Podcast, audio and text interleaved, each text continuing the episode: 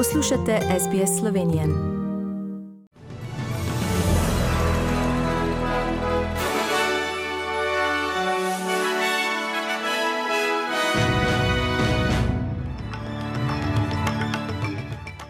V poročili 26. februarja 2022. Evropska unija zamrznila premoženje ruskega predsednika in zunanjega ministra, Zveza NATO bo v Ukrajini namestila svoje odzivne sile in iz Ukrajine je od začetka ruske invazije zbežalo čez skoraj 100 tisoč ljudi.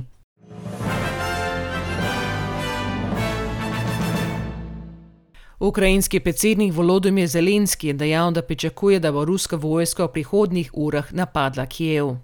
Prebivalce je pozval naj odločno branijo mesto.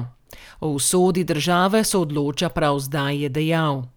Ukrajinske oblasti so meščane pozvale naj pomagajo pri obrambi mesta tudi z molotovkami in obveščanjem o položaju ruske vojske. Ruski predsednik Vladimir Putin je ukrajinsko vojsko pozval naj prevzame oblast v Kijevu ter vrže z oblasti predsednika Volodomirja Zelenskega in njegove sodelavce. Zelenski pa je objavil video posnetek, v katerem je skupaj s svojimi glavnimi sodelavci pred poslopjem predsedstva v središču Kijeva sporočil, da bodo kljub napredovanju ruskih sil ostali v ukrajinski prestolnici in branili Ukrajino. Zunani ministri Evropske unije so na zasedanju v Bruslu na seznam sankcij, ki jih Evropska unija zaradi invazije na Ukrajino uvaja proti Rusiji, dodala ruskega predsednika Vladimirja Putina in zunanjega ministra Sergeja Lavrova. Vodja zunanje politike Evropske unije Joseph Borrell pojasnjuje. So predsednik Putin in foreign minister Lavrov are in the list of sanctioned people, together with the remaining members of the Duma who are supporting this aggression, and also with relevant members of the Russian Security Council. You know very well that this is an important step. Let me flag that the only leaders in the world who are sanctioned by the European Union are Assad from Syria, Lukashenko from Belarus, and now Putin from Russia. Uradno so potrdili drugi svežen sankcij, ki so ga v četrtek na izrednem vrhu politično potrdili voditelji Evropske unije. Svežen vključuje finančni sektor, energetiko in promet, poleg tega pa dodaja več ruskih posameznikov na seznam sankcij Evropske unije, za katere velja prepoved potovanj in zamrznitev premoženja v Evropski uniji. Zveza NATO bo po ruskem napadu Ukrajine na vzhodnem krilu namestila svoje odzivne sile, bojno konico oziroma sile za zelo hitro odzivanje. Gre za sploh prvo namestitev teh sil z namenom skupne obrambe, je povedal generalni sekretar zavezništva Jens Stoltenberg po virtualnem vrhu. Stoltenberg je ob tem Rusijo tudi znova pozval naj ustavi nesmiselno vojno, umakne vse sile iz Ukrajine ter se vrne na pot dialoga. Svet bo terjal odgovornost Rusije in Belorusije, Rusije kot agresorja in Belorusije kot države, ki je agresijo omogočila, je še izpostavil.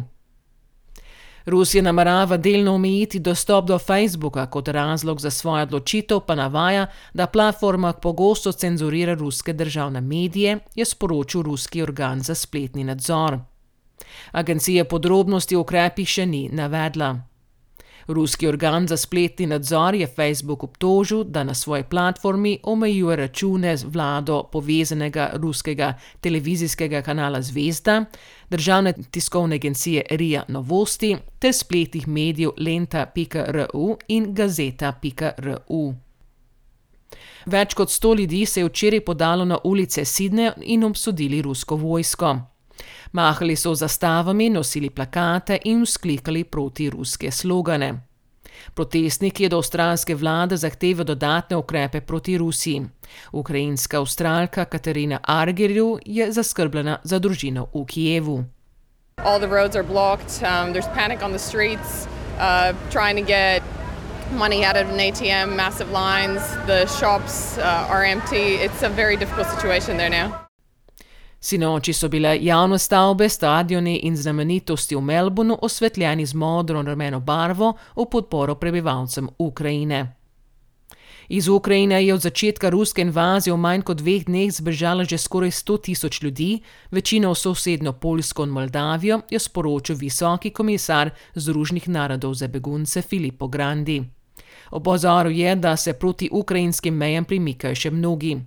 V Evropi se je tako povečala zaskrbljenost zaradi nove begunske krize. Ruske oblasti poročajo, da so iz vzhodne Ukrajine sprejeli že več kot 110 tisoč beguncev, Mačarka sporoča, da je pripravljena sprejeti begunce, medtem ko Romunija opozarja, da postopoma postaja tranzitna država za vse, ki bežijo pred vojno. Slovenija bo sprejemala begunce iz Ukrajine, končno številko ljudi, ki jih bodo sprejeli, še ni znana, lahko govorimo o več tisočih, če bo potrebno, je dejal slovenski ministr za notranje zadeve Aleš Hojs. Povedal je, da so pripravljalne aktivnosti za vzpostavitev namestitvenih centrov že v teku. Za konec še za ljubitelje glasbene spektakle Eurovizije. Danes boste lahko spremljali avstralski izbor. Nocoj bo na Gold Coastu na prireditvi Australia Decides tekmovalo 11 pevcev in pevk. Prireditev boste lahko spremljali v živo na SBS ali SBS On Demand ob pol devetih.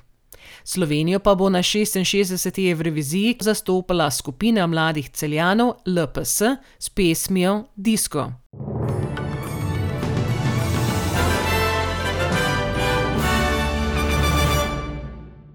Preglejmo tečajne liste in vreme. Za ameriški dol boste odšteli 1,38 centov, za evro 1 avstralski dolar in 55 centov. In še napovedi vremenske slike za nedeljo po Avstraliji.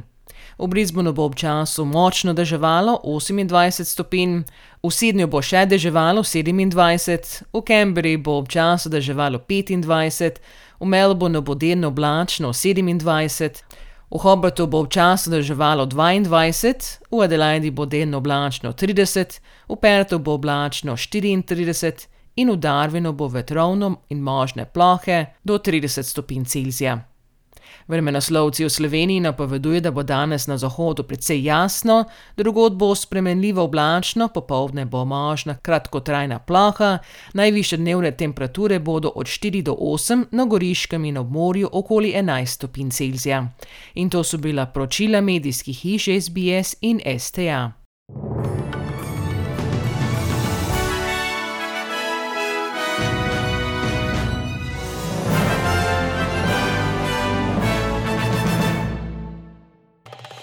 Želite slišati sorodne zgodbe? Prisluhnite jim preko Apple ali Google podcasta, preko aplikacije Spotify ali kjerkoli drugje.